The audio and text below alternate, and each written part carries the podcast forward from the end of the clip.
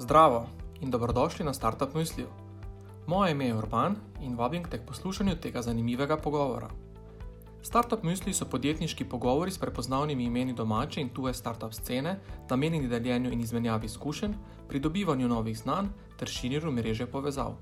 Na tovarni podjemo jih že od leta 2012 organiziramo v okviru programa Startup Maribor. Pa začnimo!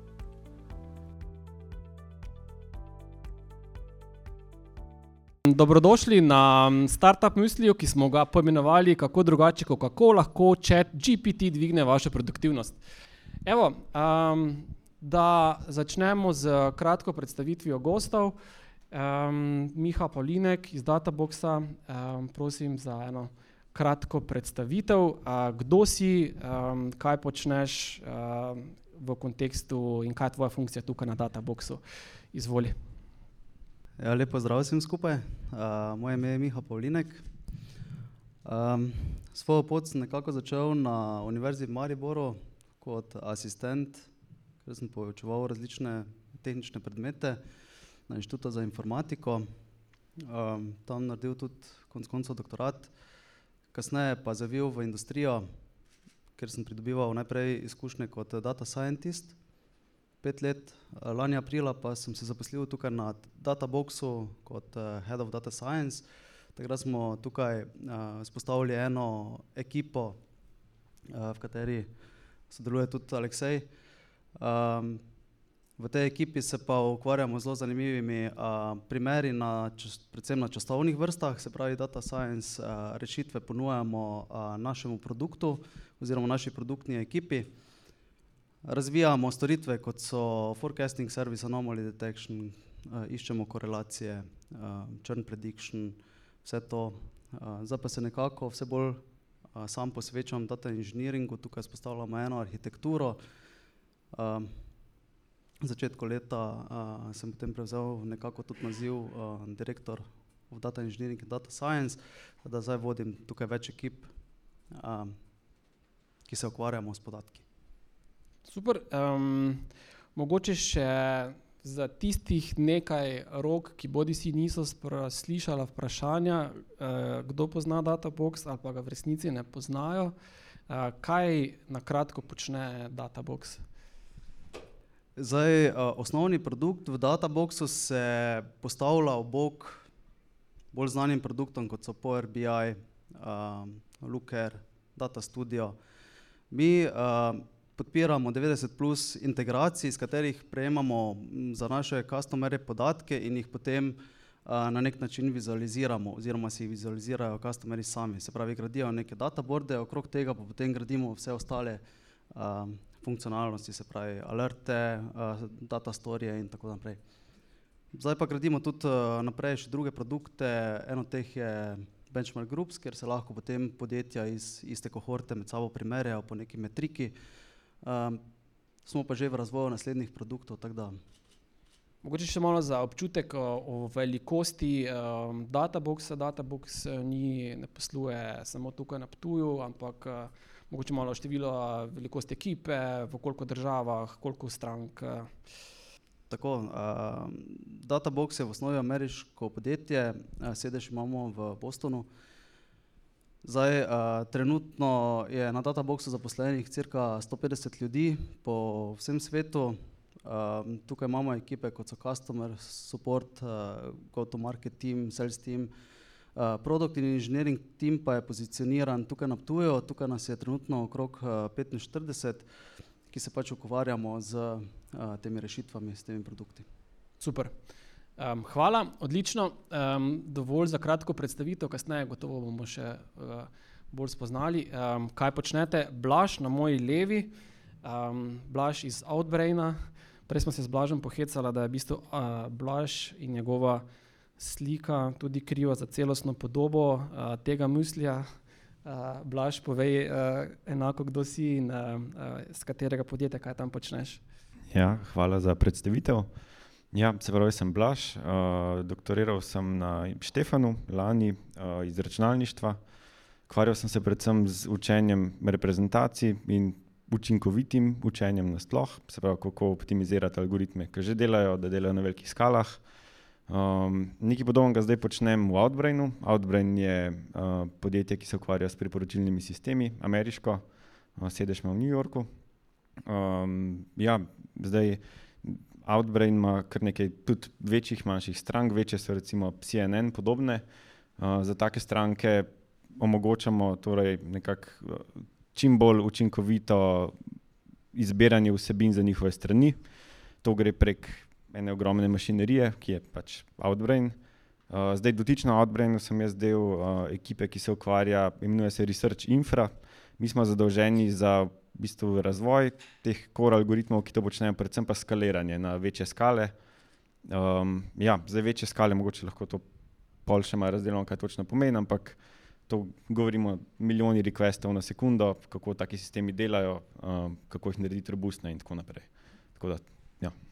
Uh, za en, en, en uh, kratek podnapis, Outbrain je v bistvu nekdanja Zemanta. Uh, Ne, torej, izraelski Outbrain je kupil uh, Ljubljansko Zemanto, ki velja za enega tak, pionirja um, uh, tehnološkega starta podjetništva v Sloveniji, za vse tiste mlajše uh, uh, predstavnike mlajših generacij, ki morda se ne spomnite Zemante. Um, uh, Blaž, omenil si uh, treniranje, uh, pa sem te skoraj na robe razumel, reprezentanc, torej to ni športna reprezentanca, ne, ampak verjetno nek reprezentativen vzorec podatkov. Uh, ja, tako je. Ja. Se pravi, reprezentacija podatkov, a so to zdaj teksti, slike, karkoli, dan danes. Um, do njih pridemo na različne načine. Um, čar tega bolj modernega učenja je v tem, da te reprezentacije, ki jih enkrat imamo, jih lahko malo dodelamo, spremenjamo, prenašamo um, in tako naprej. In na ta način um, tudi imamo modele o katerih bomo dan danes govorili. Se pravi, to je en, ena taka bolj bazična podznanost v strojnem učenju, oziroma podvaja, ki se ukvarja točno s tem, kako računalnikom to efektivno predstaviti, da lahko hitro računajo, da zajamajo neke prave relacije um, in podobne zadeve. Tako. Super. Um, hvala, Blaž.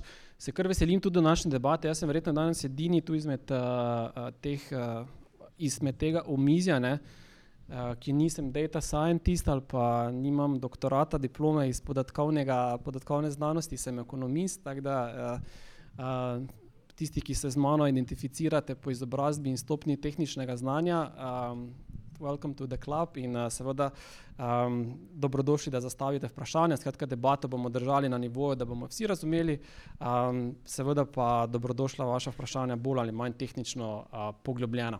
Um, mladen, um, tudi ti prihajaš iz um, uh, torej, tehnično-tehnoloških podatkovnih vod, uh, če se temu tako izrazim, um, še malo tvojega ozadja, kaj počneš, um, kdo si.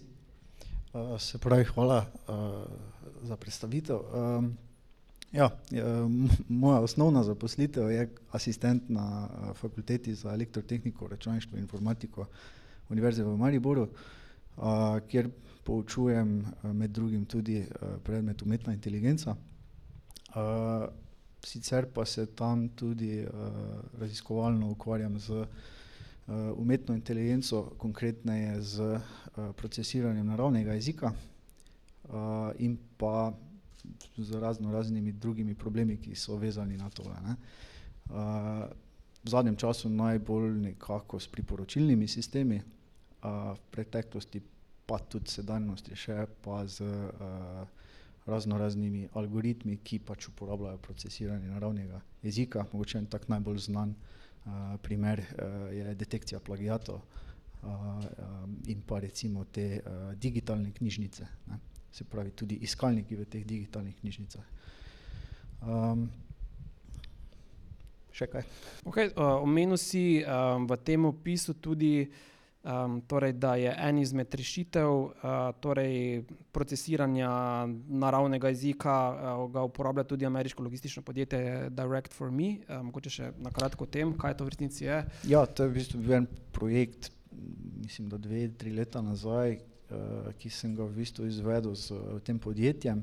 Uh, gre pa v bistvu za pogovornega robota, spravi chatbota, um, ki pomaga v bistvu pri prevzemu uh, pošiljk. Zdaj, Direct for Me se v bistvu ukvarjajo z uh, temi pametnimi paketniki. Um, in sicer imajo neko svojo aplikacijo, preko katere v bistvu lahko tisti paketnik odprete. Um, in to najdete tudi uh, recimo pri raznih poštah danes, ne, uh, so ti paketniki tam. Uh, ker so pa želeli iti na ameriški trg, uh, so v bistvu ugotovili, da mogoče njihova aplikacija ne bo tako preudarna in so v bistvu želeli z pogovornim robotom nekako vstopiti na trg. Se pravi, pogovorni robot potem deluje preko uh, WhatsAppa, in potem tista neka šifra oziroma zvok za odpiranje paketnika v bistvu uh, pride preko WhatsApp sporočila kot glasovno sporočilo. Ne. In uh, to smo delali, uh, bil je to prototipni projekt, zelo zanimiva stvar. Uh, bom rekel, mogoče ne tako napredni pogovorni robot kot ChatGPT, ki ga bomo danes uh, malo bolj obdelali.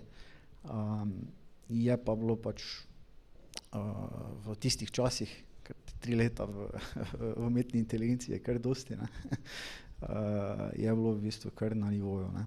Šlo je v bistvu za nek naprej pripravljen scenarij uh, z različnimi možnostmi ne, pri dostavi paketov. Cool. Um, hvala.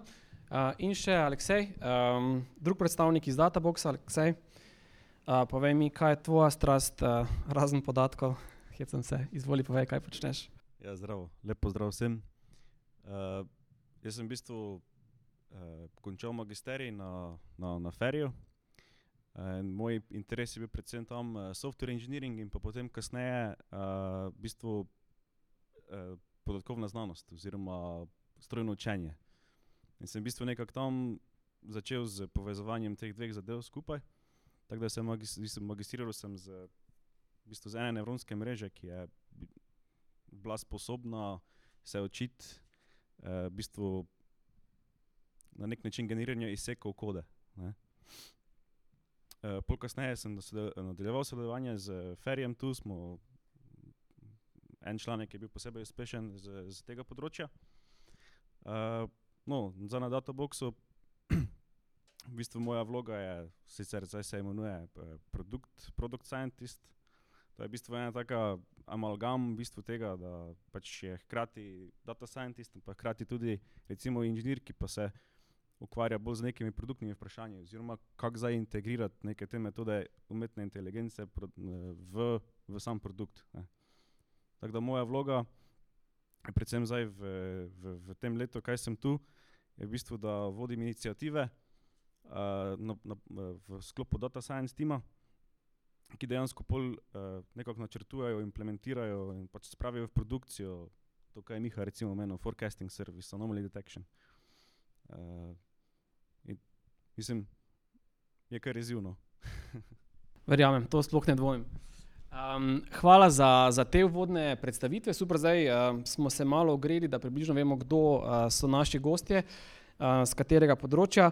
Um, zdaj um, nekako Uh, preden začnemo debato, uh, na kratko, nek sinopsis današnjega predvidenega pogovora. Skratka, danes bomo delali, kaj v resnici je chat GPT in kako deluje, uh, kakšne so prednosti in tudi kakšne njegove omejitve.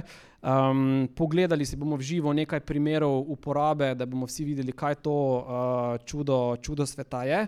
Um, nagovorili bomo tudi, kakšne so nevarnosti uporabe, oziroma na kaj moramo biti pazljivi, uh, kako ga čim bolj učinkovito uporabiti pri svojem delu, um, um, kako ga mogoče tisti tehnološki deli integrirati v svoje neke nove storitve. Uh, in pa kako ne, bo ta chat GPT in podobna urodja spremenil naš, uh, uh, naš način dela, uh, in mogoče tudi uh, naša življenja, oziroma vpliva na naša življenja. Uh, seveda ste vabljeni vsi k vprašanjem, uh, tako da kar pogumno uh, dvignite roko, zastavite vprašanje. Um, mi bomo poskušali seveda ujeti vprašanje in ga tudi um, odgovoriti, super je, da tudi poveste, za koga uh, približno imate vprašanje. Jaz predlagam, da naredimo za en taki uvodni krok uh, pogovora, da se v bistvu spoznamo s tem, kaj to tehnološko orodje oziroma ta storitev je. Um, potem pa v bistvu uh, se uh, bom odprl en krok vprašanj. Da, um, mogoče prvo vprašanje za vse, um, mogoče malo ne navadno za začetek, ampak vseeno uh, zelo kratek odgovor, pa prosim bi vse.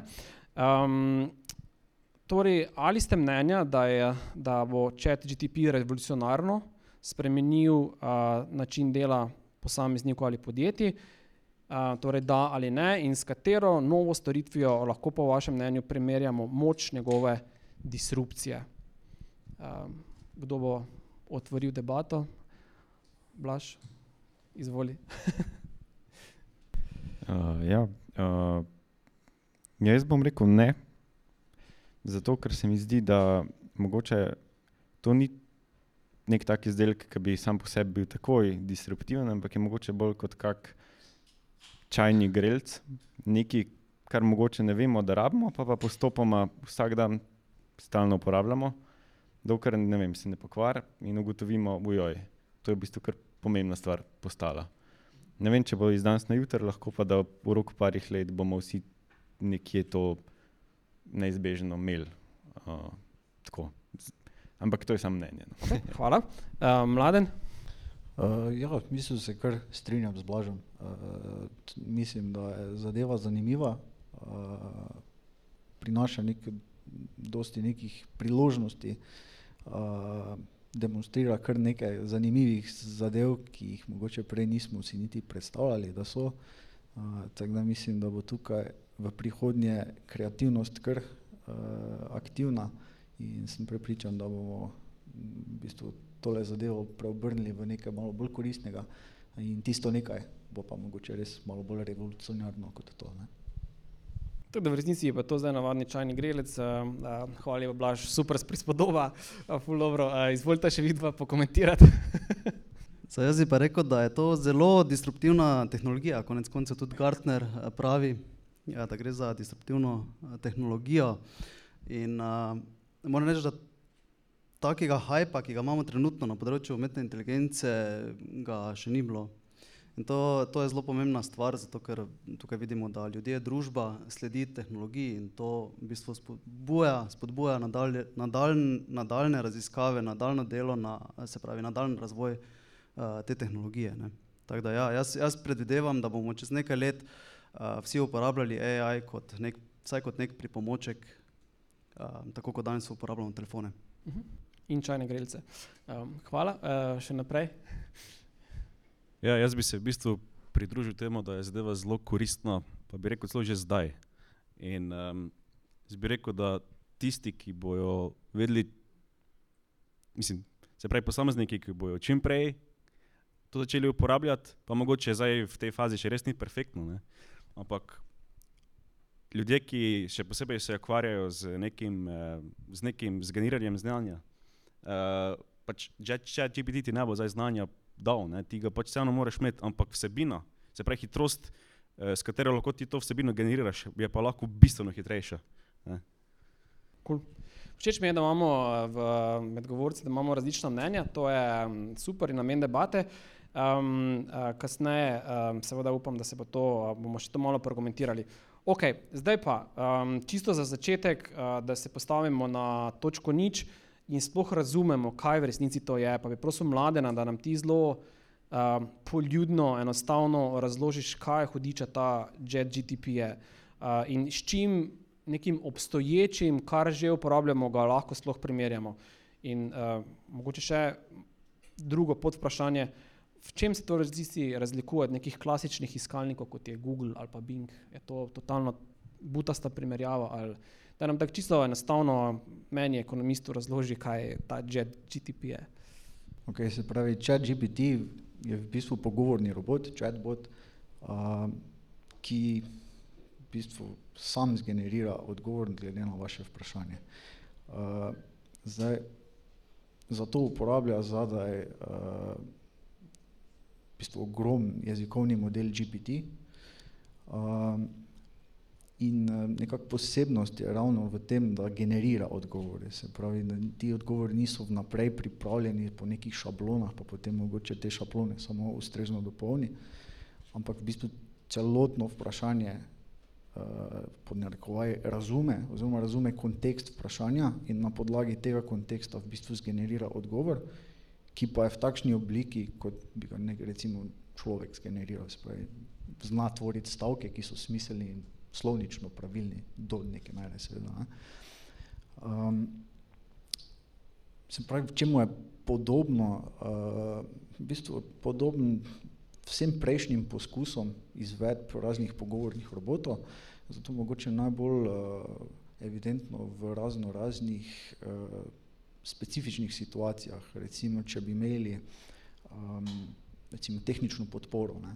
Včasih so to bili ljudje, danes so vedno bolj avtomatizirane zadeve tukaj, uh, se pravi, uh, že recimo na Facebook straneh lahko v bistvu pripravimo neke vnaprej uh, pripravljene um, odgovore in vprašanja ne, in potem, ko nekdo kaj vpraša, se to v bistvu nekako avtomatsko že odgovarja. Ne. Spravi, to je neki tak prvi korak k temu.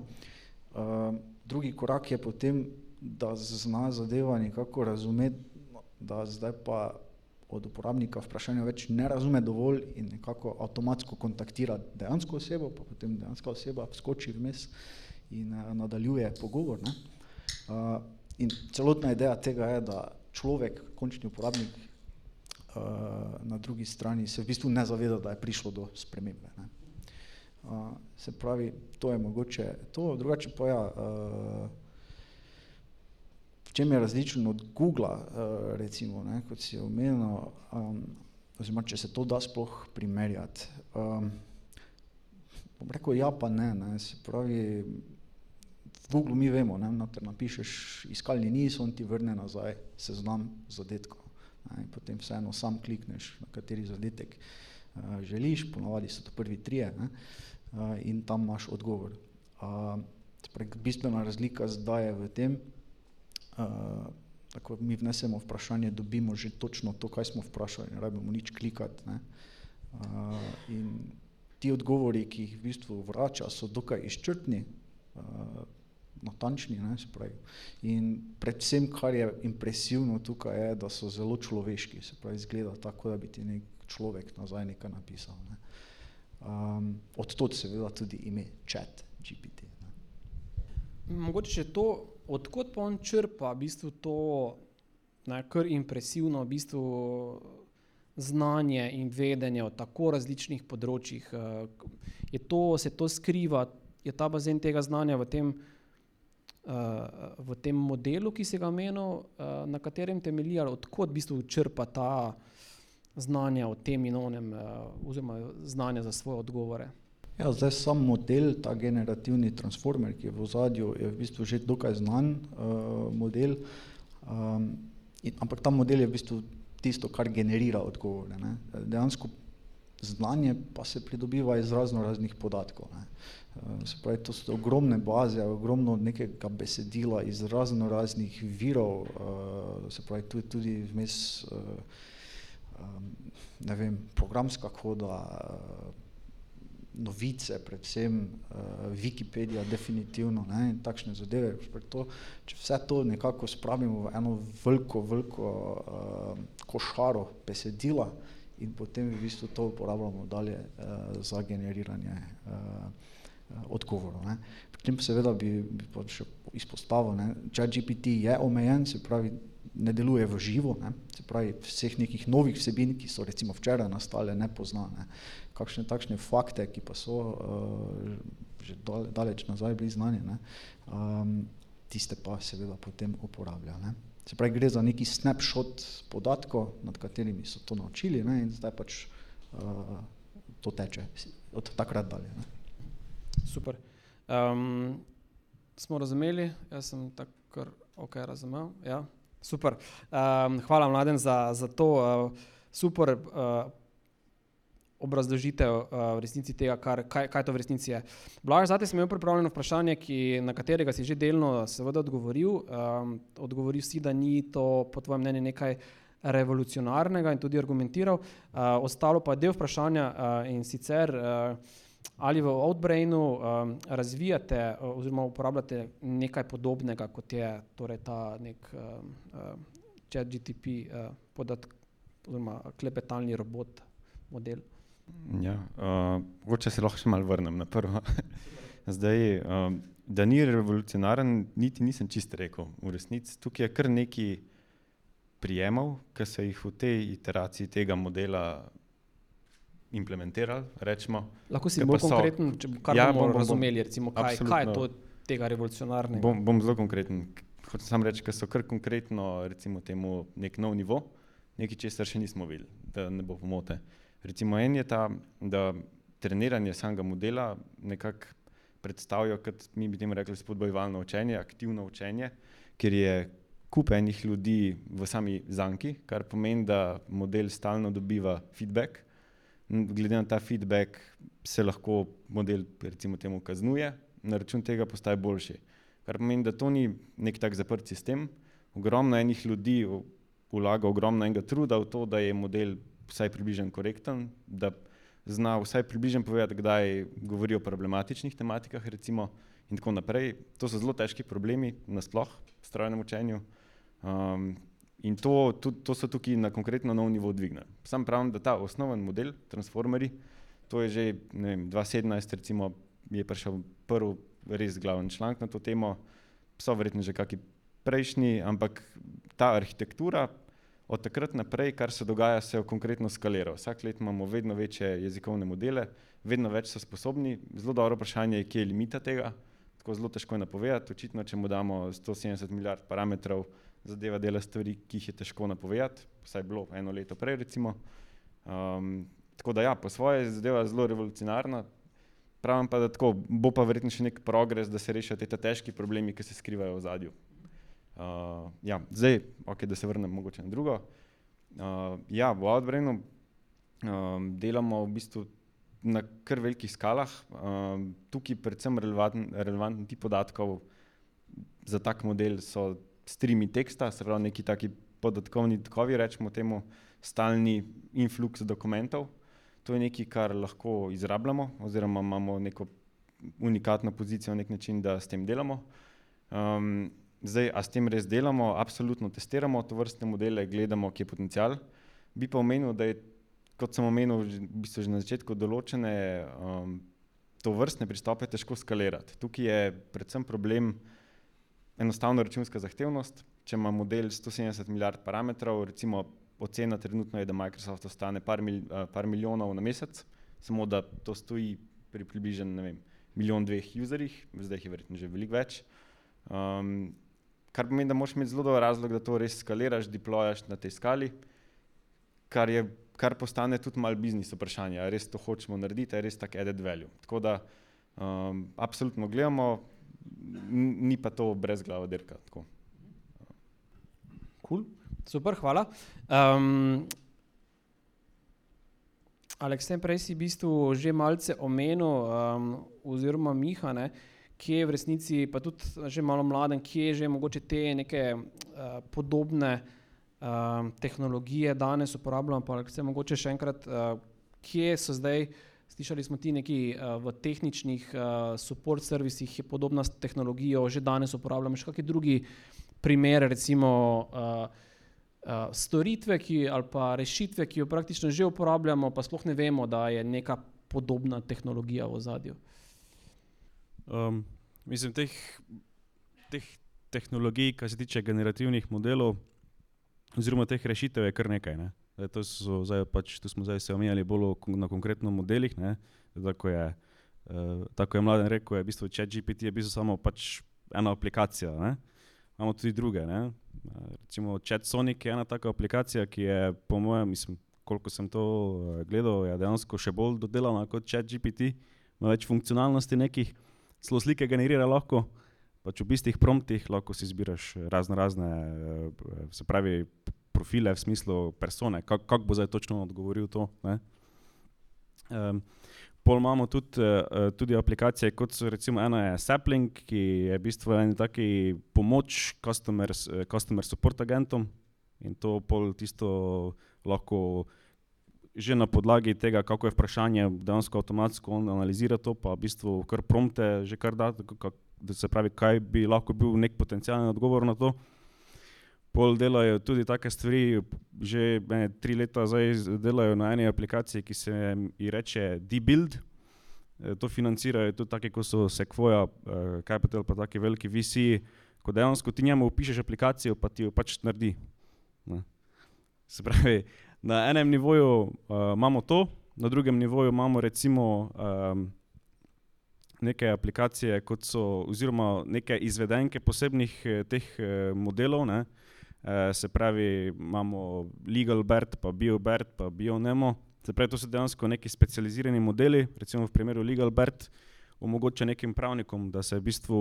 Uh, Da v bistvu postavljajo vprašanje, oziroma dajo modelu kar konkretne, kar konkretne eh, dokumente za analizirati ali pa za sproducirati, tako dalje, ki so pač neka nadgradnja nekih obstoječih modelov, mogoče malo bolj specializirane. Se pravi, imamo nek osnoven model, ki ga pa dejansko pol naknadno, tudi s pomočjo reinforcement learninga, zdaj to že v bistvu delajo, um, da dejansko mu še posebej dajo feedback na to, kako pa mora res pravi legal dokument izgledati.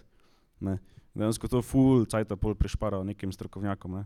Na drugi strani imamo pa tudi take bolj splošne zadeve, eh, ki eh, se pravi neke generatorje slik, recimo DALI 2 je zdaj taki, ko pač napišeš not, kak, kako slika mora biti, pa jo na, nariše.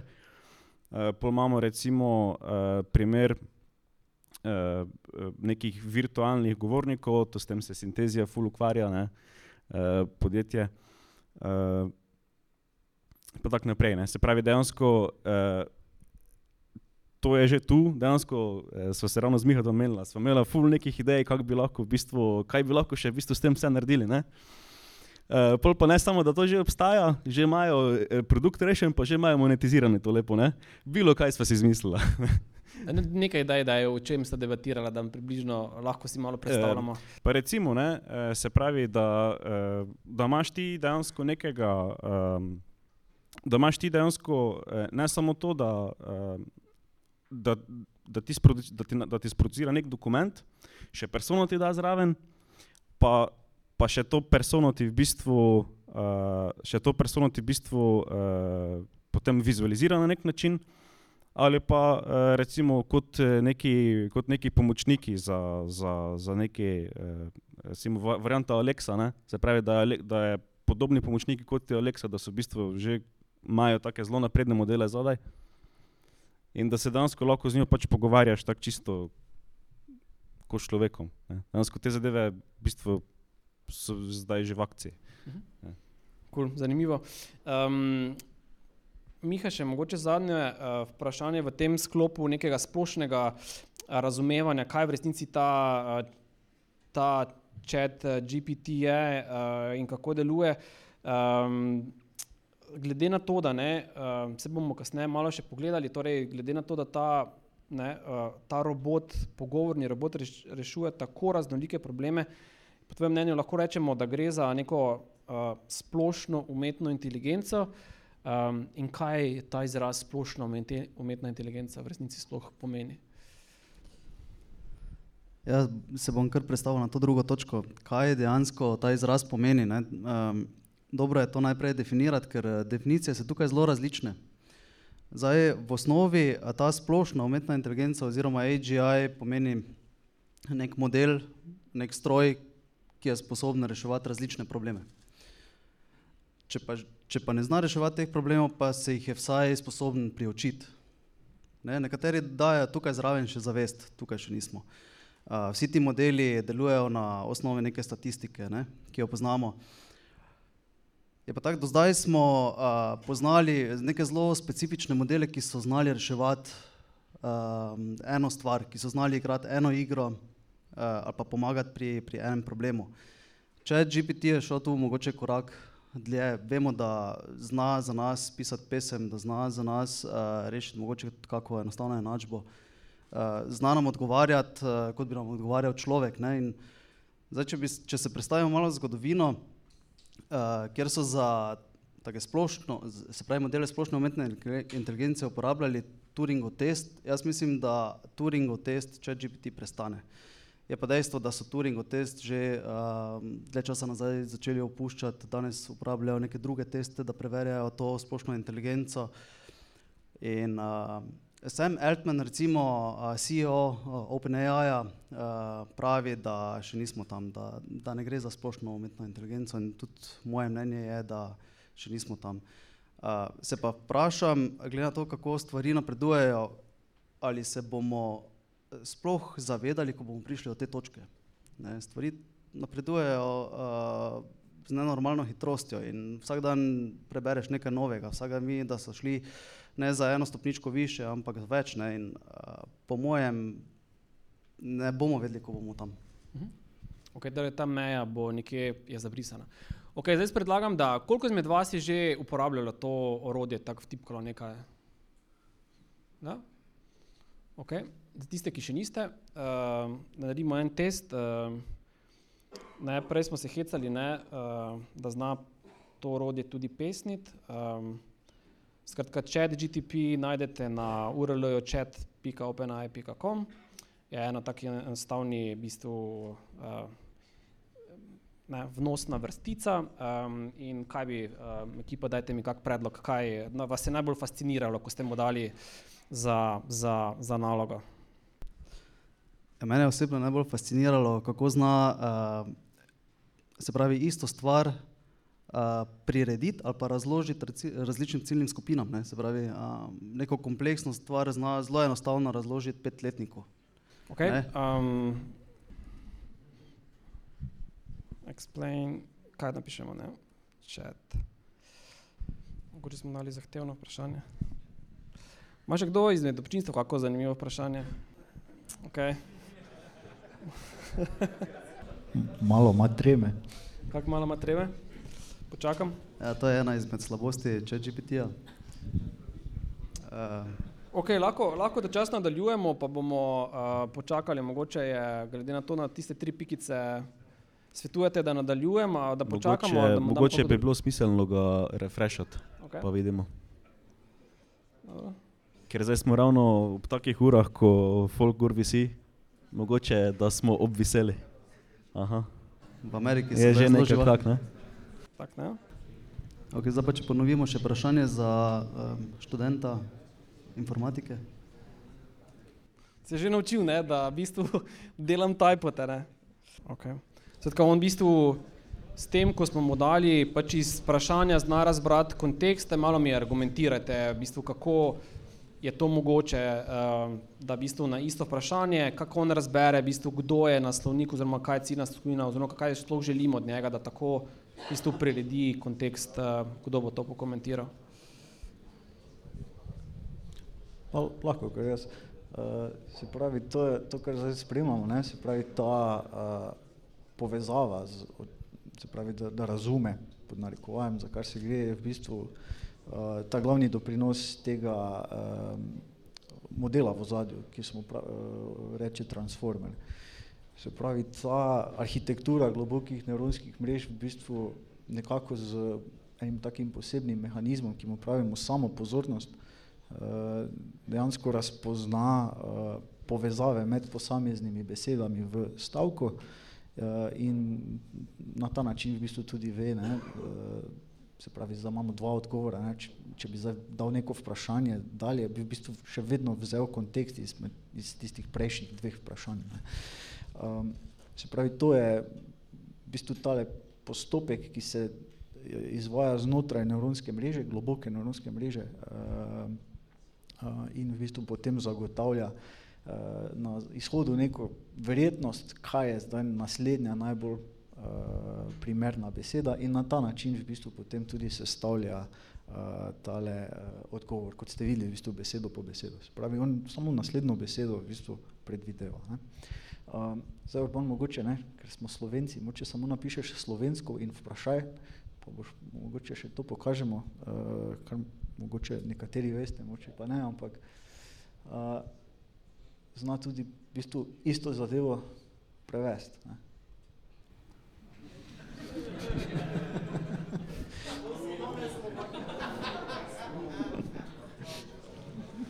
Okay, mislim, da s tem lahko začnemo debato o slabostih. Ne, pa...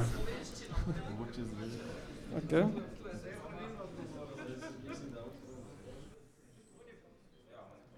so... Tako blaš, tako misliš? Samo za kontekst, slovensko je Slovaška v slovaščini. Tako da v bistvu je ime države v slovaščini. Okay. Nisem zmotil. Okay, um, Mogoče bo zastaviš vprašanje v slovenščini ali lahko slovensko. Recimo.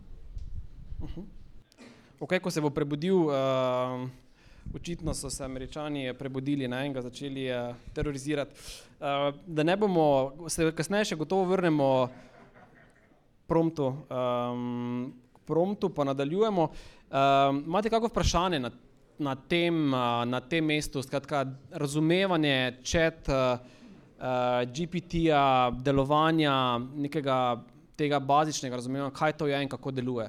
Uh, se vam tukaj poraja kako vprašanje, koga zanima? Ja, izvolite. Okay, torej, vprašanje je, kako lahko drugi AI na, razpozna, da je to AI napisal. Mladen? Uh, hvala, super vprašanje, uh, na katerega odgovora žal nimam, zato ker zadeva toliko nova, da, da se tudi te zadeve še v bistvu raziskujejo.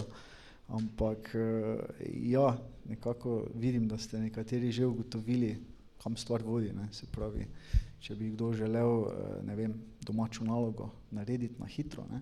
Uh, mu jo hitro lahko zgenerira, ne? tudi v slovenščini, kot bomo enkrat v kratkem verjetno videli. Um, in kako zdaj to zaznati? Ne? Se pravi, to je, to je problem, to je problem že zdaj, brez ChatGPT-ja bil in uh, bo. Um, ne vem, lahko v bistvu podam samo svoje mnenje, nek, mogoče iz enega takega bolj tehnološkega vidika. Um, sklepam, ne, da pač tudi ti transformer modeli imajo neke vzorce pri generiranju uh, in po mojem se bo uh, v to smer šlo, se pravi zaznavanje teh vzorcev uh, v samih odgovorih, uh, potem pa bo verjetno nek, neka, neka meja, ne, uh, koliko se ta vzorec ujema z uh, že znanimi rezultati JGPT-ja in na podlagi tega pol neka metrika, ki lahko reče, uh, mogoče to je pa neki kandidat za plagiarizem, ne? kajti sistemi za detekcijo plagiatov, moramo vedeti, niso nikoli tako zasnovani, da bodo rekli, to je plagiat, ne? ker tega ne morejo narediti. Spravi, lahko rečejo, samo to je kandidat za plagiat in tudi postopek danes je tak, da če, to, če do tega pride, spravi, da imamo prevelik procent podobnosti, se seveda sestavi komisija ljudi, ki potem to preuči. In ti ljudje so seveda potem tudi strokovnjaki iz tistega področja, o čemer pač tekst piše. Ne. Kaj ti uh, oblike plagiarizma ne, so različne. Ne. Se pravi, imamo tisti klasični copy-paste plagiarizem, ki pa samo vzamemo, imamo copy shake and paste, ker malo preoblikujemo, potem je tu parafraziranje in pa seveda idejni plagiarizem, ki pa ga je tudi tak v klasičnih metodah zelo, zelo težko dokazati. Ne. Tako da, super vprašanje, ampak nažal nimam nekega bolj fiksnega odgovora. Cool. Hvala. Še, še kako vprašanje? No, ne, ne, vidim nobene roke. Ok, cool. uh, kadarkoli seveda um, um, uh, pomahajte, zakričite, um, pa, pa bomo vzeli vprašanje. Um, ok, ja, izvoli. To že enkrat samo, da ponovim vprašanje. Um, torej, Ja, torej, vprašanje glede na glede konkurence. Zdaj je prevladujoče orodje in pojavi se seveda ne, sporednica z Googlom in v bistvu tem prevladujočim položajem na trgu. Povejte svoje mnenje, kdorkoli. Zdaj, tukaj se vmešava Google z svojimi modeli. Zdaj Google oziroma DeepMind kot sestrsko podjetje razvija svoj činčila model oziroma je že razvit. Uh, in jaz vidim v prihodnosti tukaj eno veliko tekmo med, med tema dvema, uh, se pravi Googlom in Microsoftom, ki vlaga v OpenAI. Uh, s tem, da Google tukaj po mojem še malo tipa teren. Oni so uh, v bistvu že imeli pripravljenega chatbota, ki bi ga lahko imenoval se, imenuje se Lambda, ki ga že razvijajo nekaj let. Uh, gre pa tukaj za dve stvari. Ne? Tukaj so vsi uh, ti playerji malo previdni, Zakaj? Uh, malo se bojijo, ker so ti modeli tudi uh, zelo nevarni. Ne? Na eni strani so pristranski, imajo pa tudi neko toksičnost. Ne? Se pravi, uh, zelo radi širijo neke lažne novice, sovražni govor in tako naprej. In uh, Google je tukaj čakal. Zdaj bomo videli, kaj bo naslednja poteza Google. Oni so že uh, izdali tisti njihov code red, se pravi, neko paniko so zagnali. uh, vse resurse so usmerili v razvoj teh um, conversational, conversational AI botov, uh, pa teh modelov. Je pa še tu ena stvar. Uh, največ revenue Google generira z uh, trenutnim biznis modelom, to pomeni uh, z reklamami, ne, ki jih uh, uporabniki vidijo, ko se pre, prebijajo skozi splet, ko iščejo vsebine, ne, ko uh, v Googlu uh, se pravi delajo neko raziskavo, potem dobijo tudi reklame, ki jih klikajo in to prinaša Google denar. Zdaj, če bi oni dali uh, ven nekega svojega bota, ki bi, ki bi naravnost podal odgovor na vprašanje, bi ta biznis model izgubili, bi se mogli potem prilagoditi. Ne? In tu je v bistvu največji problem Google. Google ima 80% revenue samo v, v reklamah. Medtem ko Microsoft uh, je zdaj naj, najmočnejši recimo v cloudu. Ne? Tu, tu, tu bi še dodal eno stvar. Eh, Tu je Sundar Pichai, to je CEO Google zdaj, oziroma Alphabeta. No? Je tu sam povedal, v bistvu, da s tem, ko je zdaj chat GPT tako popularen postal, je dejansko jih na nek način sforsiral, da morajo te interne projekte na nek način, da sploh posta, da ostanejo konkurenčni na tem področju, na nek način, da morajo v bistvu zdaj spostaviti ven. Ne? Se pravi, Google že v bistvu dela na tem, eh, da bodo imeli svoje rešitve, to bojo seveda spet, eh, to, te modeli bojo zaprti čisto, ne bojo, ne boš pač to mogel videti. Tu se malo postavi to vprašanje. Ne. Na, tu pa ima spet odgovor, eh, eh, eh, se pravi Big Science inicijativa, ki pa združuje več podjetij, ki pa se v bistvu ukvarja s tem, kako zdaj bi lahko naredili eh, generativne modele, ampak da so odprtokodne. Se pravi, da, da, da imajo v bistvu lahko vsaki dostop do tega. Ne. Tu bo seveda spet eno vprašanje, kako zdaj to regulirati, da ne, bo, ne, vem, da ne bojo zdaj, ker zdaj lahko Microsoft in Google se na glavo postavita, če bojo, če, bo, če bojo ti modeli tako hudo dostopni, da bo lahko vsak m, pač, eh, vprašljivo vsebino z tega generira, je to problem. Ne? Uh, zato pa je pač toliko pomembneje, da, da, da, da kot je zdaj pač OpenAI razvil tak te moderation API, preko katerih lahko v bistvu vsak do tega dostopa in uporablja za, za, za v bistvu kontrolo nad tega, katere prompte oziroma kakšno vprašanje v bistvu gre v model. Ne. Se pravi, dobro vprašanje pa se mi zdi, da, uh, da se je zdaj komaj vse skupaj začelo. No. Okay, zdaj omenili ste tudi to, Lahko še, še en mali komentar. Mogoče smiselno imeti v mislih tudi kitajski trg. Oni imajo par res, res ogromnih firm, ki so nekako izven spotlighta, če temu tako rečemo, ampak imajo zelo impresivne stvari. Tako da lahko da bo tudi od tam kaj prišlo do nas. Konec koncev največji model prihaja iz Kitajske. Ne? um, mogoče bolj konkretno, uh, kateri model uh, je to ta um, uh, WeChatov uh, ekosistem ali mogoče čisto neki tretji player, koga si imel v mislih iz Kitajske. Uh, predvsem ta velika podjetja, recimo Huawei, Tencent, te imajo enak obsežne inicijative, zelo veliko sredstev, pa tudi ne vem, kako delajo eksperimente, verjetno lahko celo bolj kontrolirajo kot na zahodu. Uh, to, se pravi ta aspekt. No. Okay. Zdaj, um, omenili ste tudi to, neko, ne uporabi se ime, uh, izraz toksičnost, uh, nevarnost. Uh, kaj ste, mogoče zdaj, če se malo premaknemo um, na neke omejitve nevarnosti, kaj, tukaj, um, kaj je tukaj tako toksičnega? Um, kdo želi pokomentirati? Eh, Zdaj mogoče bi eh, spomnil eh, na leto 2016, eh, takrat je Microsoft lansiral enega svojega chatbota preko Twitterja, imenoval se je Taj. Tistega chatbota so mogli čez eh, 16 ur izklopiti. Zakaj? Ker so ga uporabniki spravili tako daleč, da je, da je postal, se pravi, da je prišel od enega prijaznega chatbota do, do chatbota, ki je izjavljal vse živo. Ne? Uh, to so bile nacistične izve, izjave, na, seksistične izjave. Uh, skratka, potem so mogli to umakniti. Ne? In tukaj je pomembna ena stvar. Uh, model, če ga ne kontroliramo, lahko zelo hitro zabrede, ne? oči se pa na bistvu naših vsebinah in to, koliko so podatki, koliko so vsebine dobre, toliko bo model dober ali pa slab. Ne, in uh, to pomeni, uh, recimo, potem pristranskost modela. Zdaj tako bom rekel, če zahodni svet, uh, se pravi, v 20% procentih ponuja neke proruske vsebine, v 80% pa proukrajinske vsebine, to je zgolj primer, uh, potem se pa model na tem uči, bo tudi model na nek način pristranski in bo generiral proukrajinske vsebine. Ne.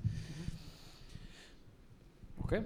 Um, še, kaka, še kdo želi izpostaviti kakšno nevarnost kakšno slabost v tem trenutku? Um, ne? Okay. Um, gremo naprej zdaj, uh, malo na to poglavje, zdaj, kako pa to uporabiti pri, pri svojem delu. Prej smo že malo pač, v bistvu slišali na to temo. Zdaj, mogoče vsak izmed vas, uh, tako čisto praktično, en uh, primer iz preteklih vem, tedna, dveh, ko je uporabil tega, tega robota za neko koristno opravilo, bodi si v službi, bodi si uh, za kako privat stvar. Kak, zelo na kratko pokomentirajte, kako uh, ste ga uporabili. Kdorkoli, levo, desno.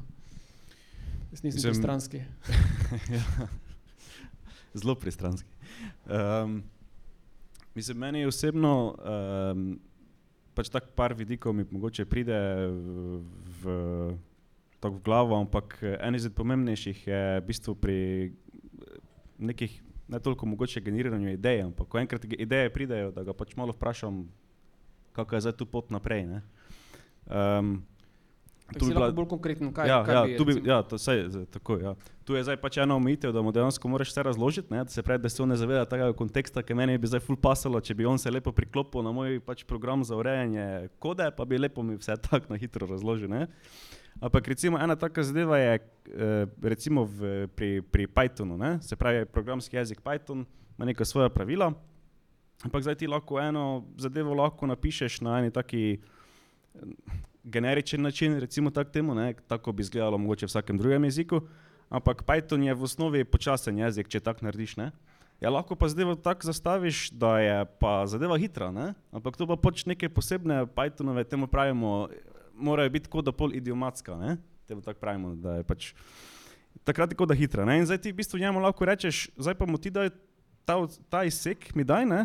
ampak mi ga pač, eh, eh, v bistvu mi ga naredi bolj Python, Pythonskega, v bistvu, tako se temu reče. In dejansko v večini primerih, kaj sem eh, v bistvu testiral, se je vsaj potrudil, no?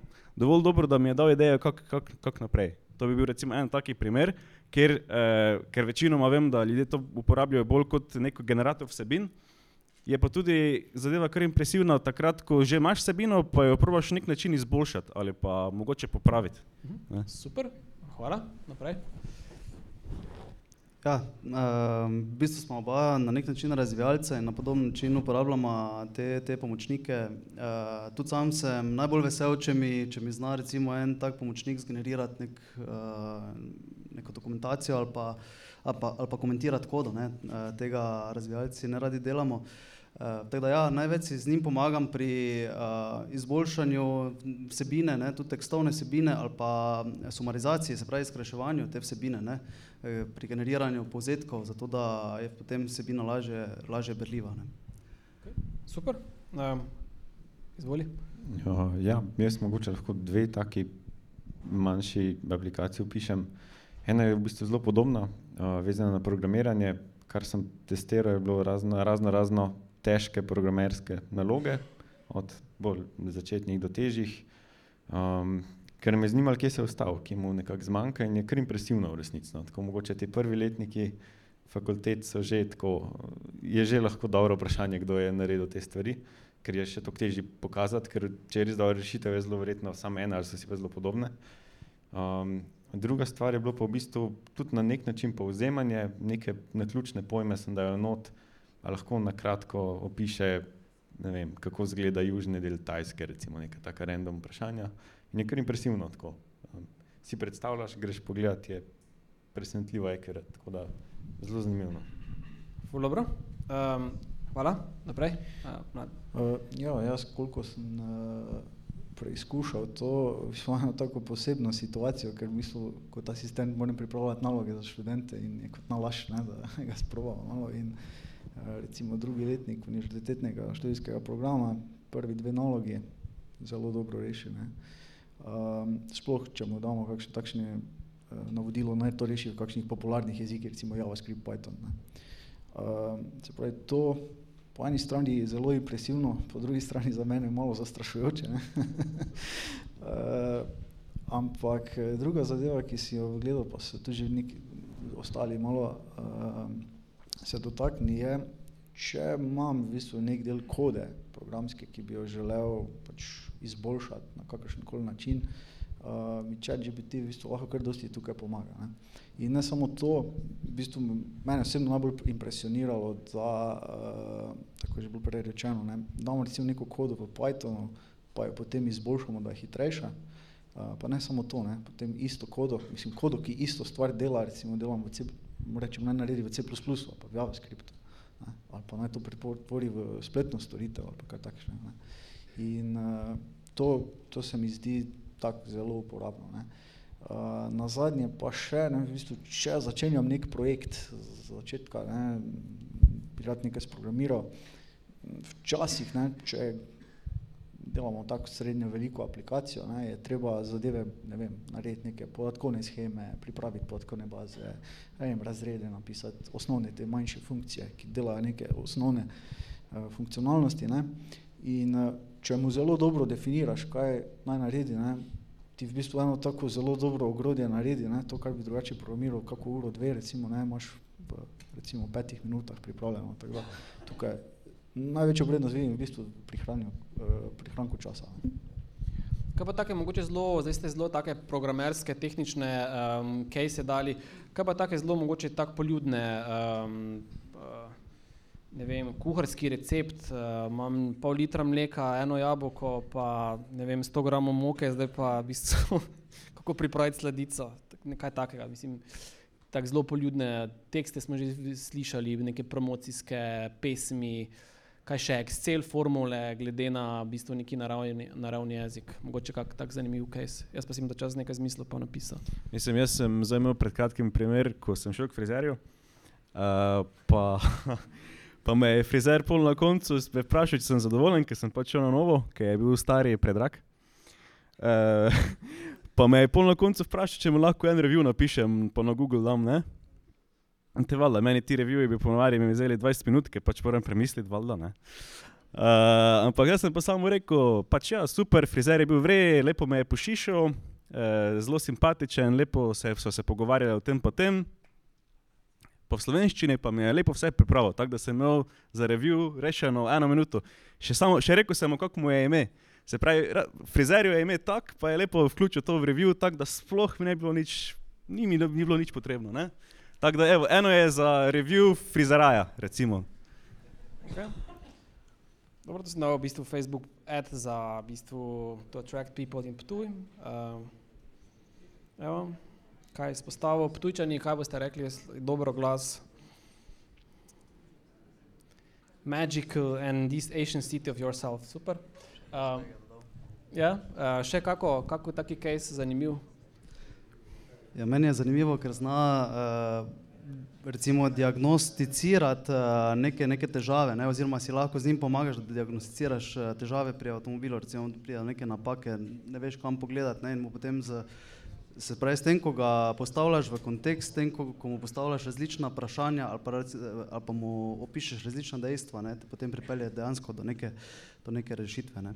Zdaj, en zanimiv primer, primer, ki sem ga recimo prebral, je vsi ti chatboti, ki mu lahko tudi dodeliš neko persono, se pravi tudi nekega psihologa, so lahko zelo dober pripomoček ljudem, ki bi se radi recimo eh, mentalno pozdravili ali pa čustveno pozdravili. Ne. Mhm. Uh, tukaj vidim zelo veliko prednost za, za neke ciljne skupine.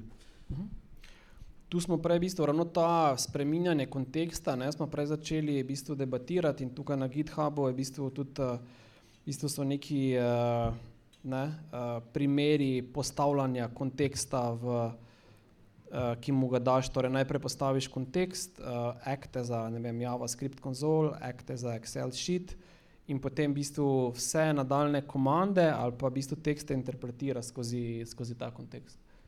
Um, Okay, torej, zdaj recimo, če bi vem, dal tukaj primer Acte za Excel sheet.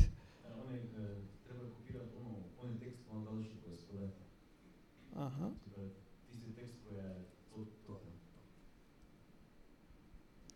Ampak to je smiselno zdaj, uh, nov session ustvariti, oziroma nov chat, ne, skoraj. Uh, problem je, da on, on je zdaj že v kontekstu nekega Ptuja in zdaj, zdaj mu dodamo še Google Sheet, ne. Aha, okay, Verjamem, da bo znal zračunati število prebivalcev na Ptuju. sem, sem, zač, sem začel nov čet, ja, okay. Dobro.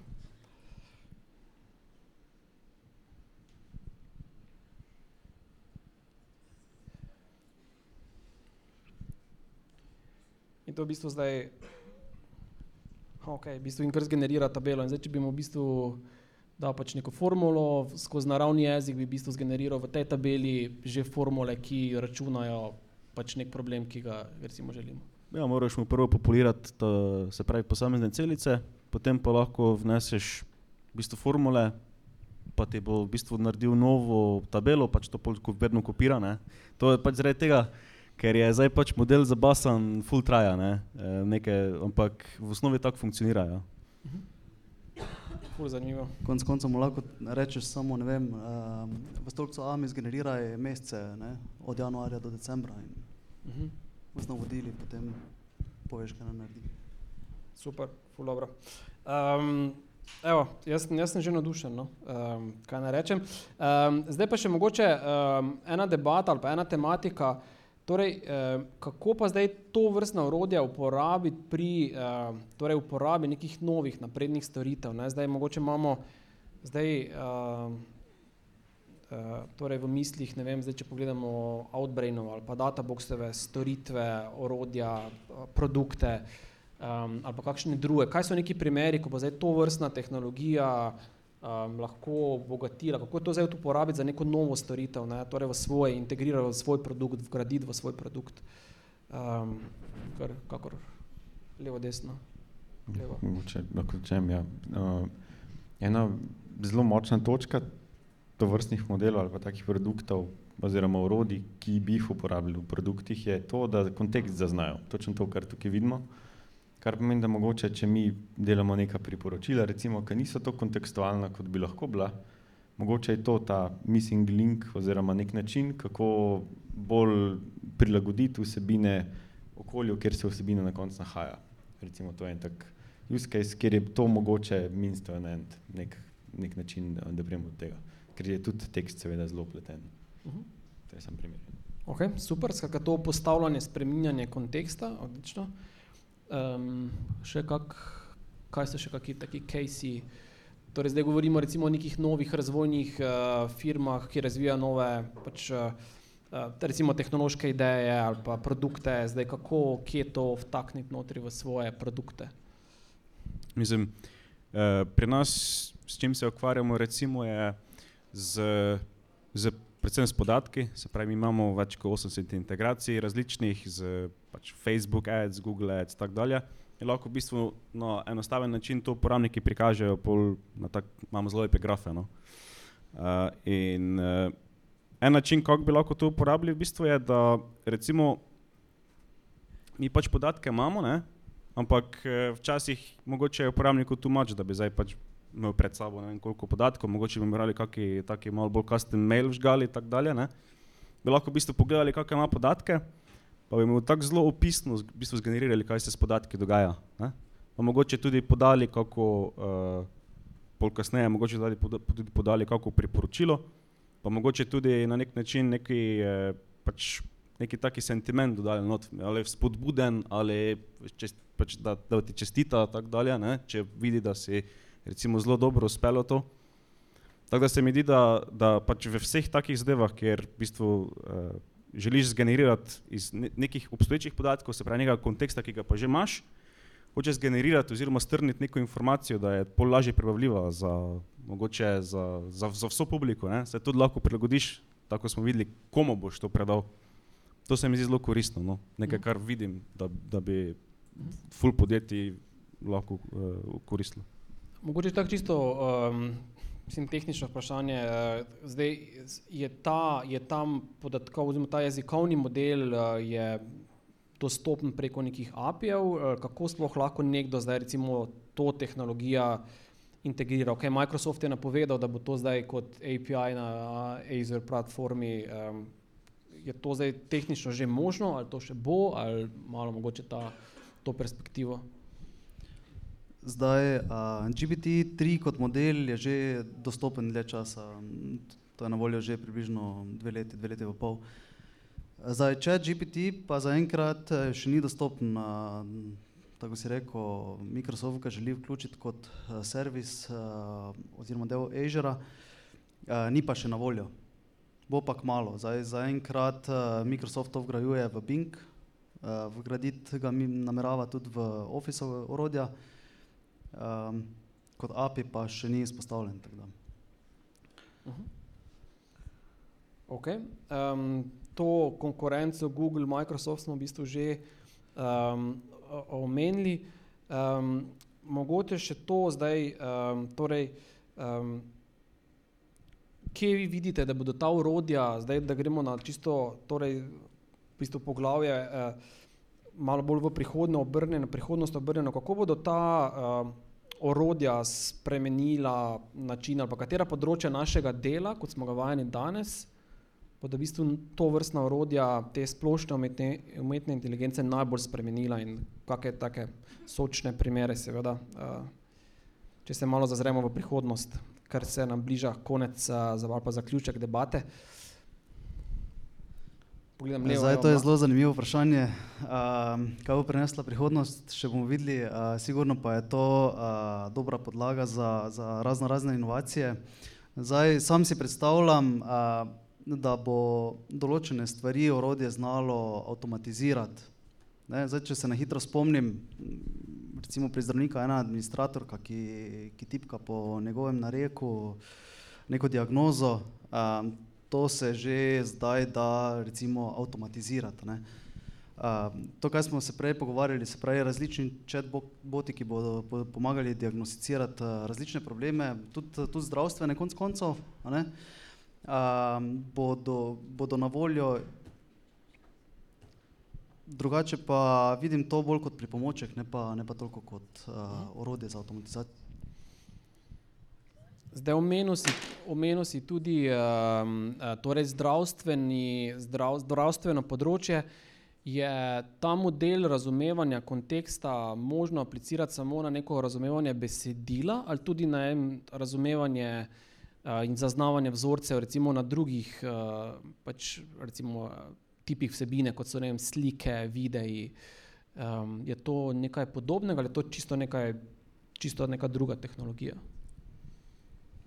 Zdaj, uh, če govorimo samo o ChatGPT-ju ali pa GPT kot modelu, um, to je tekstovni model.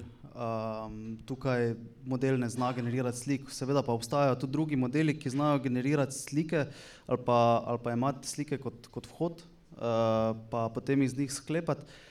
Uh, Zdaj ti modeli se že, že danes nekako povezujejo, v prihodnje se še bo, bodo pa bolj. Ne? Se pravi, različni modeli bodo povezani v eno rešitev.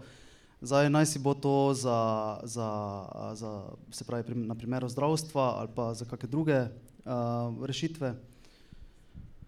Je pa ena zanimivost, recimo, ki, ki sem jo zaznal, uh, ko so gradili Činčilo ne, ali pa Sparrow uh, kot konkurenta ChatGPT-ju, so mu eksplicitno podali tudi eno omejitev, ne, ne, ne podajaj nekih zdravstvenih mnen, ker nisi za to prilagojen. Ne, se pravi, to so mu že vnaprej podali kot omejitev ali pa kot prompt, zato da so ga postavili v nek kontekst. Uh, na voljo so tudi se pravi, druge omejitve, ne, ki jih takim modelom podajo, se pravi, ne, ne obnašaj se, kot da se lahko premikaš, recimo, ne, ali pa ne žali uh, sogovornika, ne, te stvari, to, to je malo povezano s tem, kar smo se prej pogovarjali.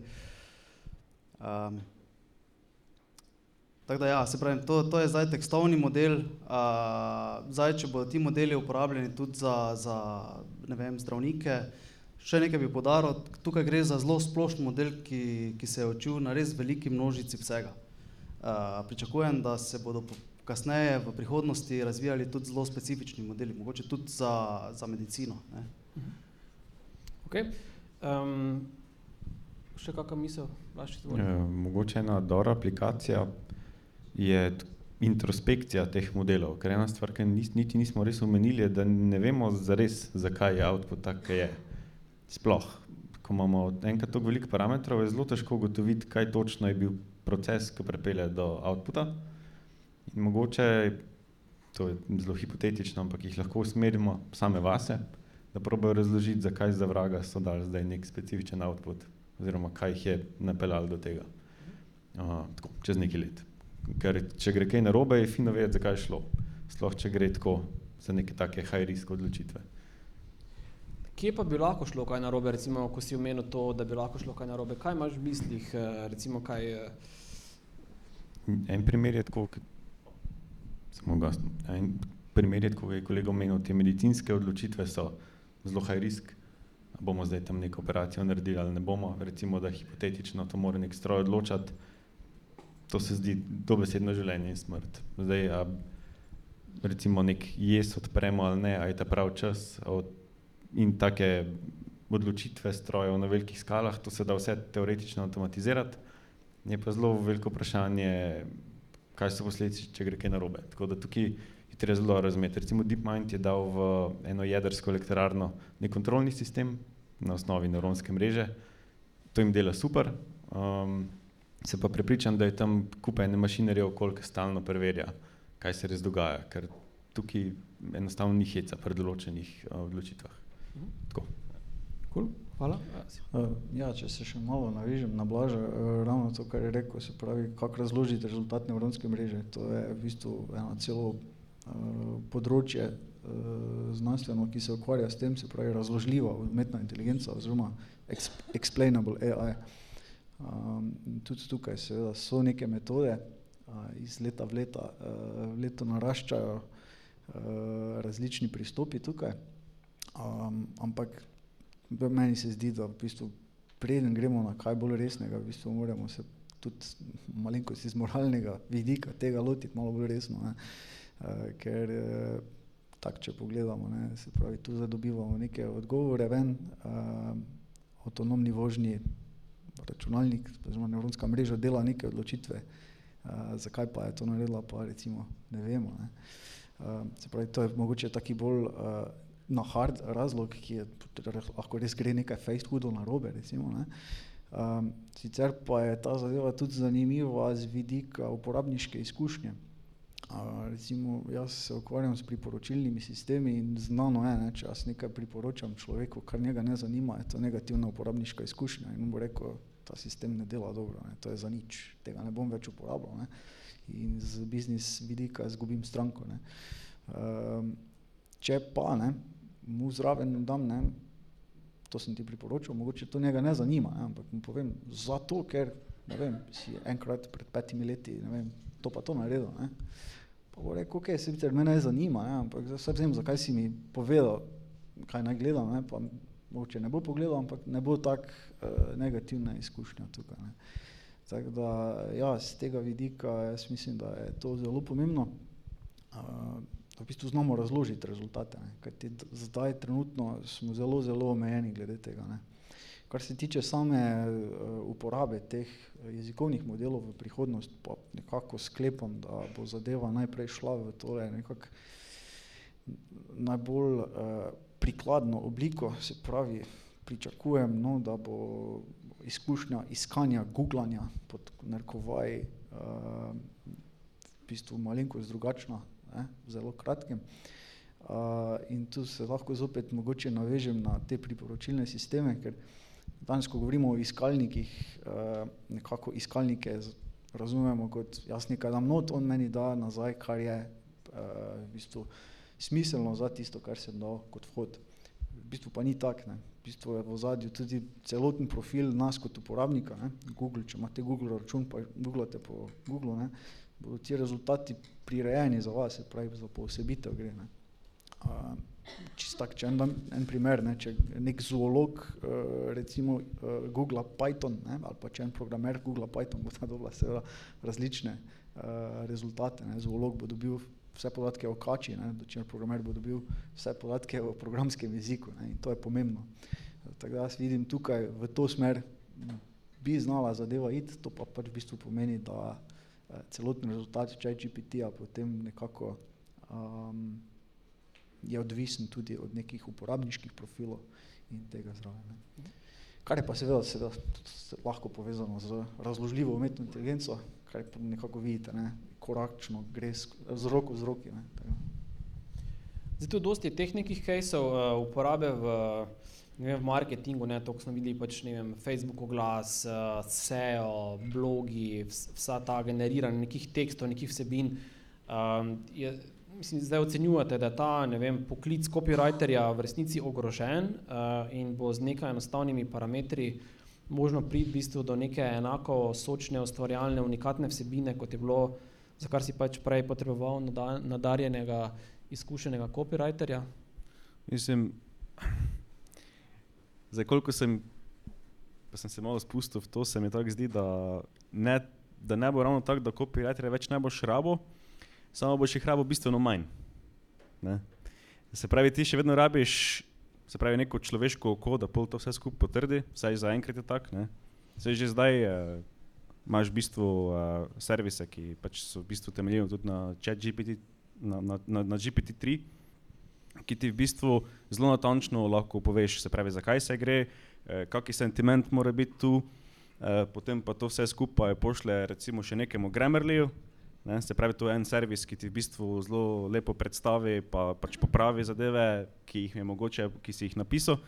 Pol pa če vse skupaj vrže v SEO optimizator in to je vse čas posla. To, kar je prej copywriter rabo en teden, da zrihta, pa je rabo še SEO eksperte pa to, je v bistvu lahko sam narediš v roku ure. Ne? In to, taka optimi, to je taka optimizacija na takem nivoju, da, uh, da, bojo, da bo, mislim, vsebino lahko mečeš toliko hitreje ven, da je niti noben, mislim, da niti ljudje ne bojo mogli pohandlati, če bomo imeli toliko copywriterjev, kot jih imamo zdaj. Ne? Se pravi, mislim, da je tu ravno ta varianta. Ne? Se pravi, uh, kdo bo zdaj tisti, ki se bo vedel čim hitreje temu prilagoditi, pa ki bo vedel dejansko si nove sisteme, nar- nove sisteme dela narediti, tisti bo profitiral. Če pa je nekdo tu face trmast, pa ne vem, kaj bo. No. Se mu ne piše dobro. Uh, to še zdaj mogoče eh, porajalo se mi to vprašanje, kdo pa je v, reci, v resnici, uh, kdo si lasti avtorske pravice nad temi vsebinami? Je to last, ne vem, OpenAI ali je to neki uh, pač uh, odprta, odprta vsebina oziroma odprto dostopna, kakšne so tu te avtorske pravice? To je, to je zelo dobro vprašanje. Um, zdaj, pred dnevi sem ravno bral en uh, članek na to temo in sicer uh, uspeli so objaviti znanstveni, podarjam znanstveni članek, ki ga je zgeneriral ChatGPT. Uh, bili so pa toliko predrzni, da so ChatGPT navedli spodaj kot avtorja. Ne? In zdaj se vprašajmo vsi skupaj, kdo je tukaj avtor. Uh, je to dejansko nevronska mreža, model, je to tisti lastnik modela, se pravi OpenAI v tem primeru ali pa Microsoft, uh, ali je to tisti, ki je dal navodilo za to, da je bil kontent zgeneriran, ne? Uh, ali pa smo konec konca to vsi mi, ki smo tisto originalno vsebino, iz katere se je model učil, nekoč nekdaj zgenerirali. Ne?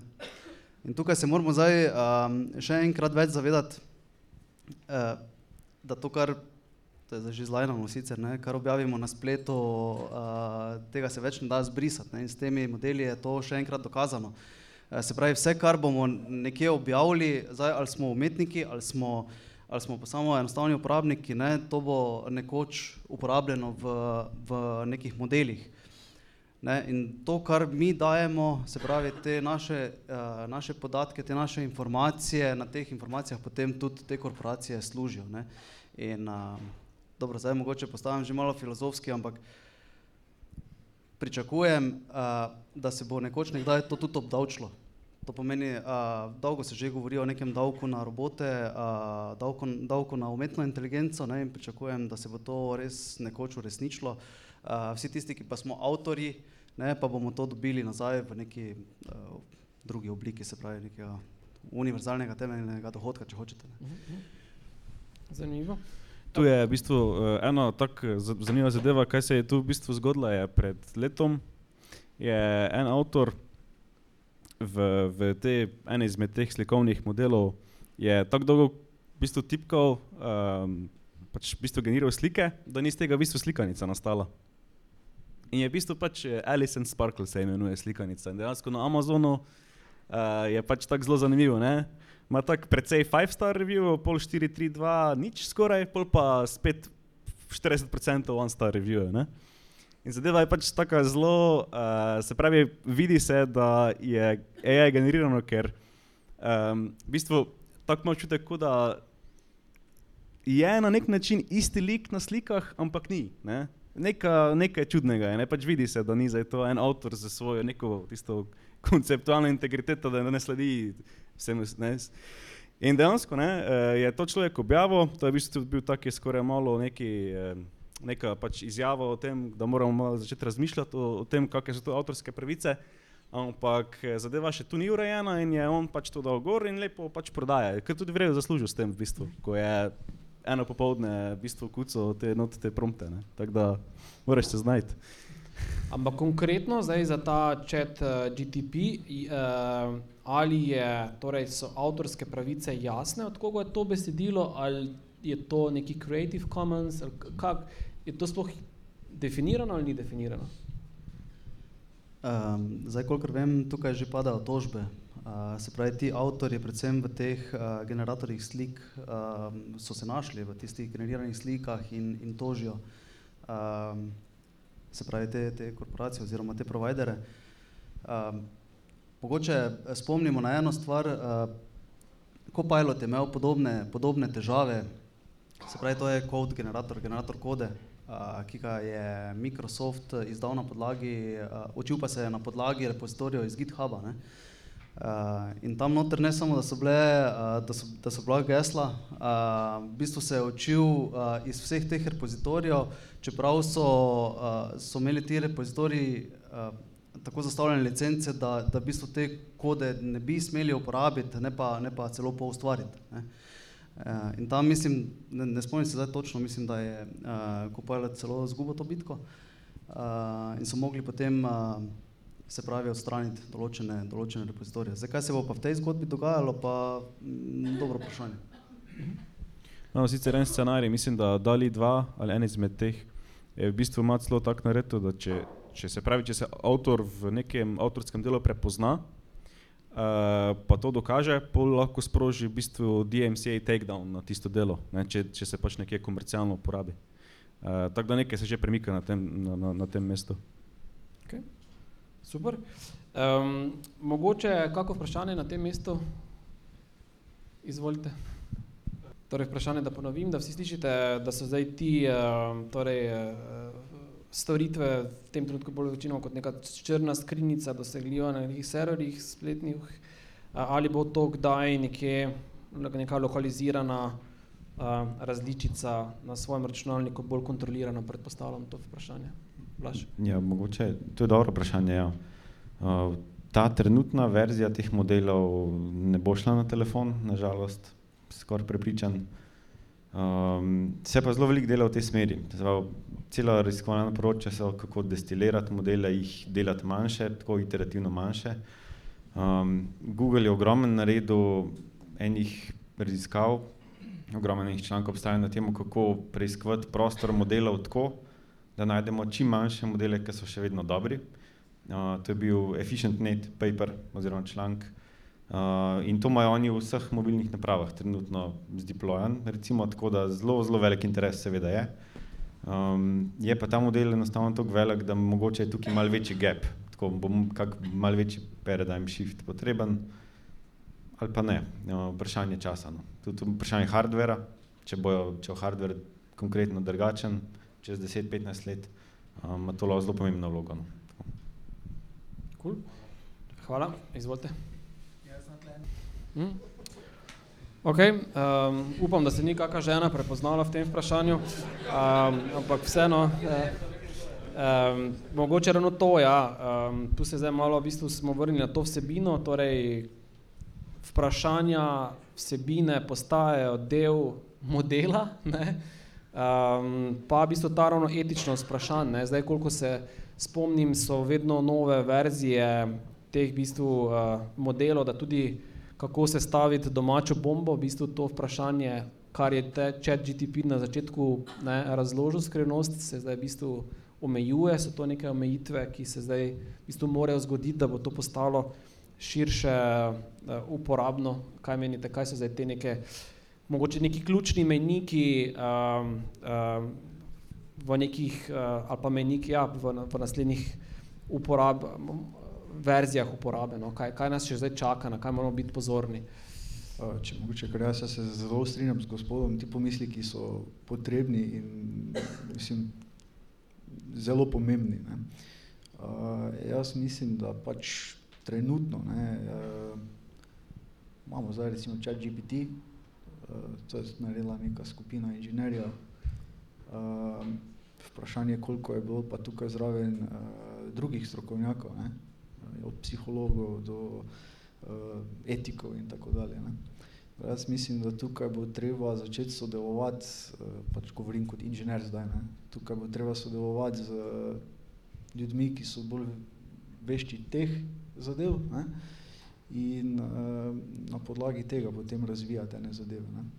Uh, zdaj, zakaj to govorim, še mogoče en primer, um, ChatGPT smo videli hitro, lahko zgenerira nek tekst, uh, razno razni YouTube videi danes kažejo, kakšne vse različne tekste generira, no enega sem videl, recimo, uh, zgeneriral je celotno skripto za uh, uh, tale telefonski center skamerjev, recimo, ne. To, kar recimo dosti časa vzame nekomu, ne, danes dobimo s uh, ChatGPT-om, kaj, kje smo v bistvu, ne. ChatGPT uporabljamo kot neke vrste scam orodje, ne. Uh, kar je zelo neetično, ne. še posebej, če pomislimo, kdo je tarča teh scamov, to ponovaj starejši ljudje, ki se ne zavedajo, da, da gre za scam in tako dalje, ne. Um, seveda po neki verziji ChatGPT-ja so takšne stvari malo omilili, ampak izkaže se, ne, da če pravilno znaš vprašati, ne, vseeno prideš do tega, ne. Uh, da to je zelo, zelo pomembna zadeva, ka, po mojem mnenju, ne, bo tu treba tudi uh, z vidika inženirjev, raziskovalcev in vsega tega uh, malenkost razširiti ekipo, ne, pa dodati zraven mogoče kakšne etike ljudi, ki se spoznajo na takšne zadeve. Uh, je pa res, da se to prvič dogaja v zgodovini, ne, tega še nismo delali. In uh, pač tukaj bojo neki izzivi, vsekakor ne. Vsekakor pa nek čas sigurno, ne, ker če gledamo čisto naravo teh ljudi, eni so zelo tehnični, drugi so zelo družboslovni, ne, nekako naj bo treba uh, priti skupaj. Ne. In to je pa potem čisti tisti človeški uh, primanjkljaj, ne. Recimo nekdo razmišlja v neki programski kodi, nekdo razmišlja čisto drugače, mogoče bolj filozofsko in ta dva spraviti skupaj je izziv kot sam po sebi že, ne. Tako da, ja. Cool.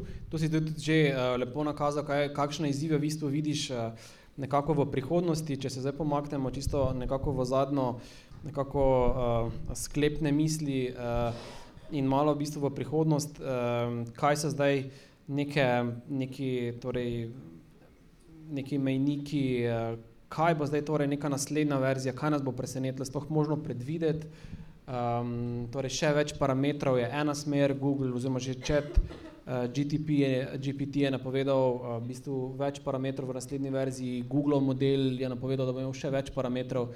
Torej, eno je število parametrov, kaj pa, um, kje vidite vi neke naslednje menike, kaj nas bo doletelo ali bomo sploh vedeli, da nas je doletelo?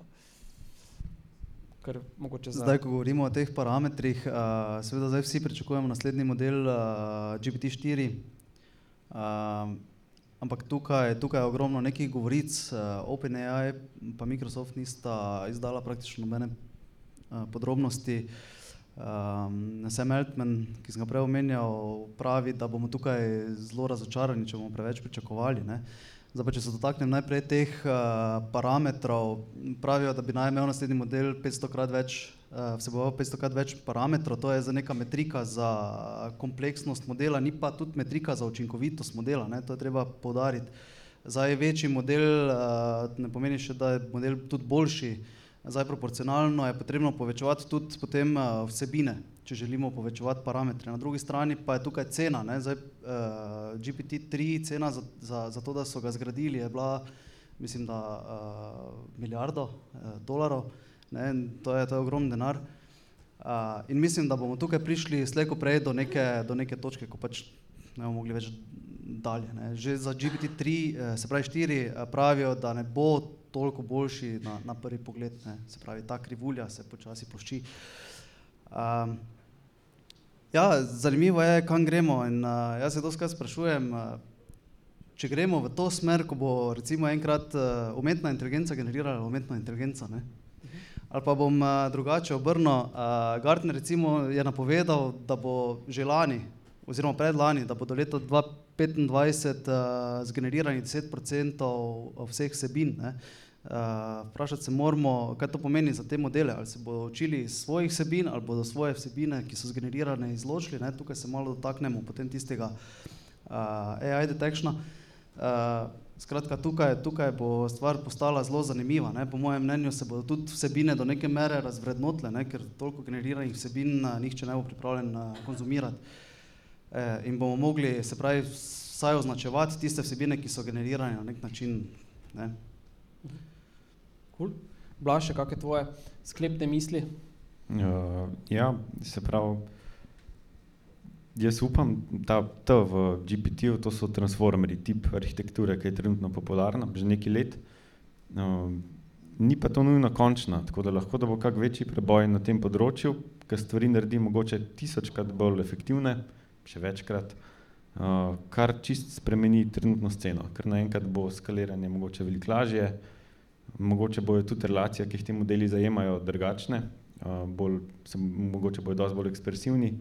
Tako da bi si upal trditi, da mogoče v naslednjih desetletjih, recimo, ali pa v naslednjih desetletjih, bo še nekaj takih prebojev. No. Zdaj je kar konkreten fokus bil na to. Se pa spomnim pred, recimo, 2015, 2016, 2017, pred tem, kako je bilo, je bil tak mal divji zahod. Tako kupenih stvari je tako mal delal, pa je pa še ena stvar, ki zdaj konkretno dela, zdaj par let je to konkretna produktivizacija, da mogoče platoja, tako kot je kolega omenil, pa pa mogoče spet neka podobna situacija, da bo tako nek tak zelo diskreten preskok. Uh, tako to bo zelo zanimivo videti. Ja. Mogoče na katerem področju um, pričakuješ nek, nek največji preboj, um, kaj vidiš uh, za tem uh, obdobjem ali pa to točko optimizacije tega obstoječega modela? Je to neka cenovna, stroškovna učinkovitost, hitrost delovanja? Uh, kaj, kaj bi si sploh lahko zamislili, da je ta nek naslednji horizont? Ja, naslednja večja fronta za vse te modele je, da bolj zajemajo kauzalne relacije ali pa fiziko v resnici. Tukaj, ne vem, če ga vprašamo, kaj je zdaj drugi Newtonov zakon, zna seveda povedati, ampak res razume, kako se to manifestira v tem fizičnem svetu. Oziroma, dobro vprašanje, tako, to je bolj meta vprašanje zdaj, ampak je, a, potrebujejo taki inteligentni sistemi embodiment, rabijo biti utelešeni, da so res inteligentni ali ne. To je na nek način še vedno nejasno. Uh, tako da to bo zelo zanimivo videti. No. Taka, to so taka večja vprašanja. No.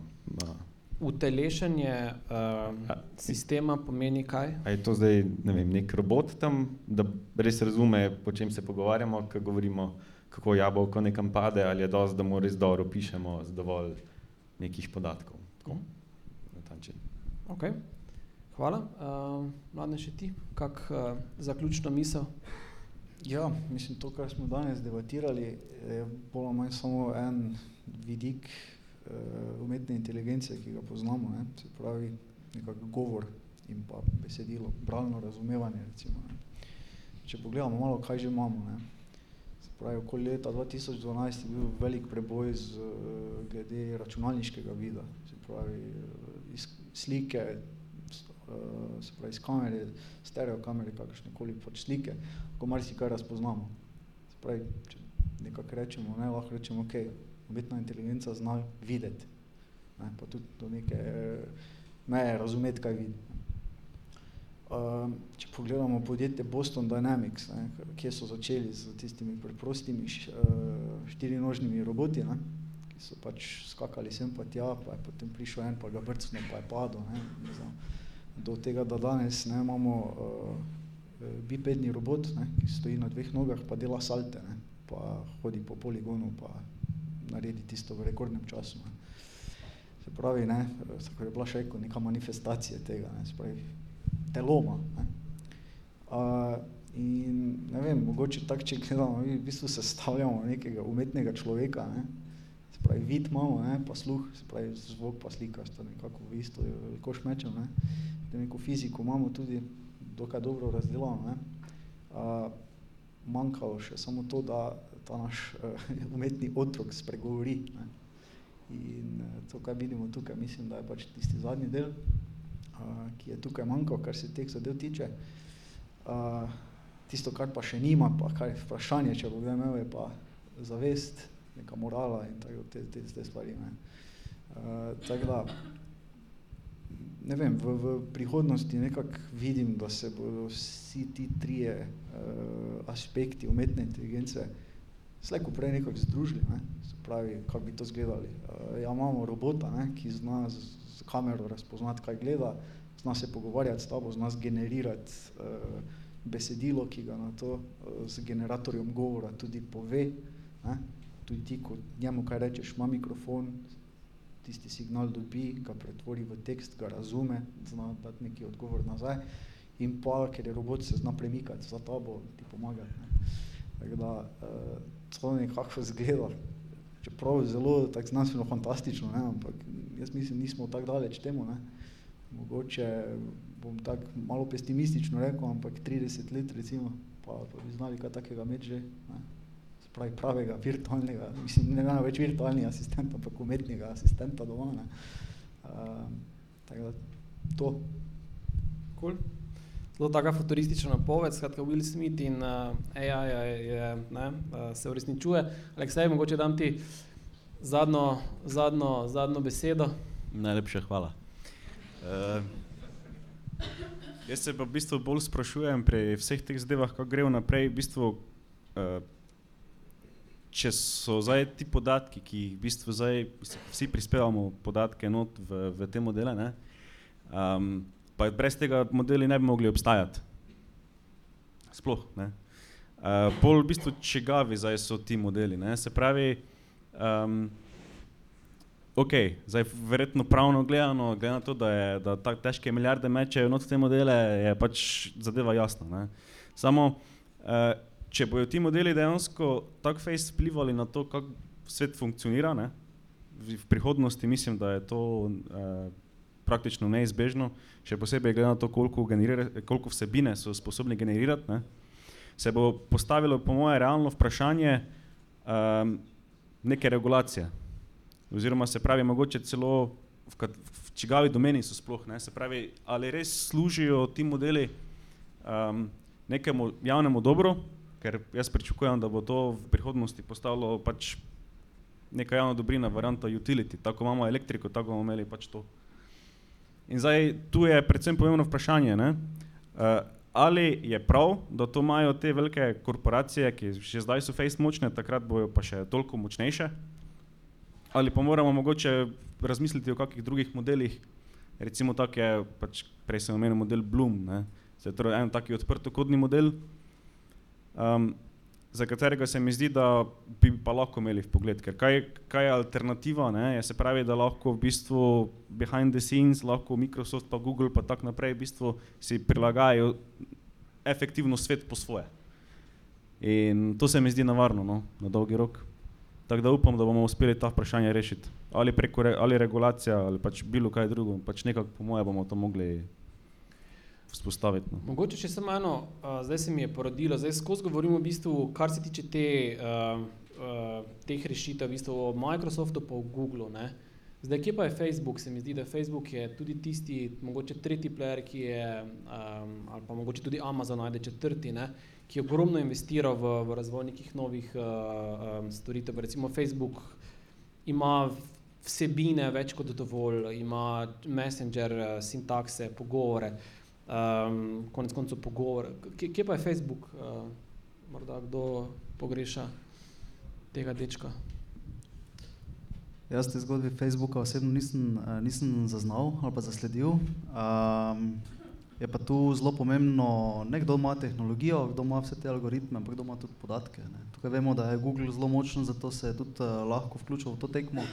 Uh, tudi Microsoft konec koncev ponuja vse te storitve. Ne. Tam, pri Microsoftu bi izpostavil uh, zelo dobro vizijo, ki jo je imel Satya Nadella, ne, ki je prišel v, v Microsoft z, z svojim odpiranjem, z, se pravi investiranjem v cloud, zdaj z, z investiranjem v AI.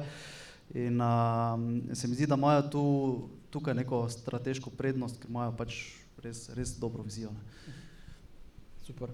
Splošno pa. Um, Evo, Aleksaj ima zadnjo besedo. Kaj, kaj, se, kaj, kaj, se, kaj se Amazona tiče, imajo model uh, Alexa TM, tam, ki deluje malo na, na, na, na drugem principu, pač sek to sek, malo, malo drugače zadeva dela, uh, ampak je v nekaterih benchmarkih v bistvu premagal chat GPT oziroma GPT-3. No.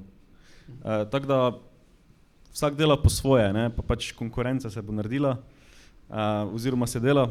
Zdaj, kdo bo zmagal tu na tej točki, zdaj tako, tako je pač Blaž rekel. Pač lahko zdaj eni izumijo eno arhitekturo, ki bo povozila vse ostale, pa bo pač tisto novi status quo. Ne? To je zdaj tu najmogoče reči. Super. Hvala lepa uh, za to izčrpno uh, popoldansko večerno diskusijo. En velik aplauz uh, za naše goste. Hvala. Evo, um, diskusijo smo zaključili, um, tematike še zdaleč ne, uh, tako da to je gotovo področje, ki ga je vredno spremljati v prihodnosti. Um, hvala vsem gostom za debato. Pripričan sem, da bo ta tematika se na prihodnih mislih še vrtela v takšni ali drugačni obliki uh, in uh, se veselimo naslednjih dogodkov. Hvala lepa.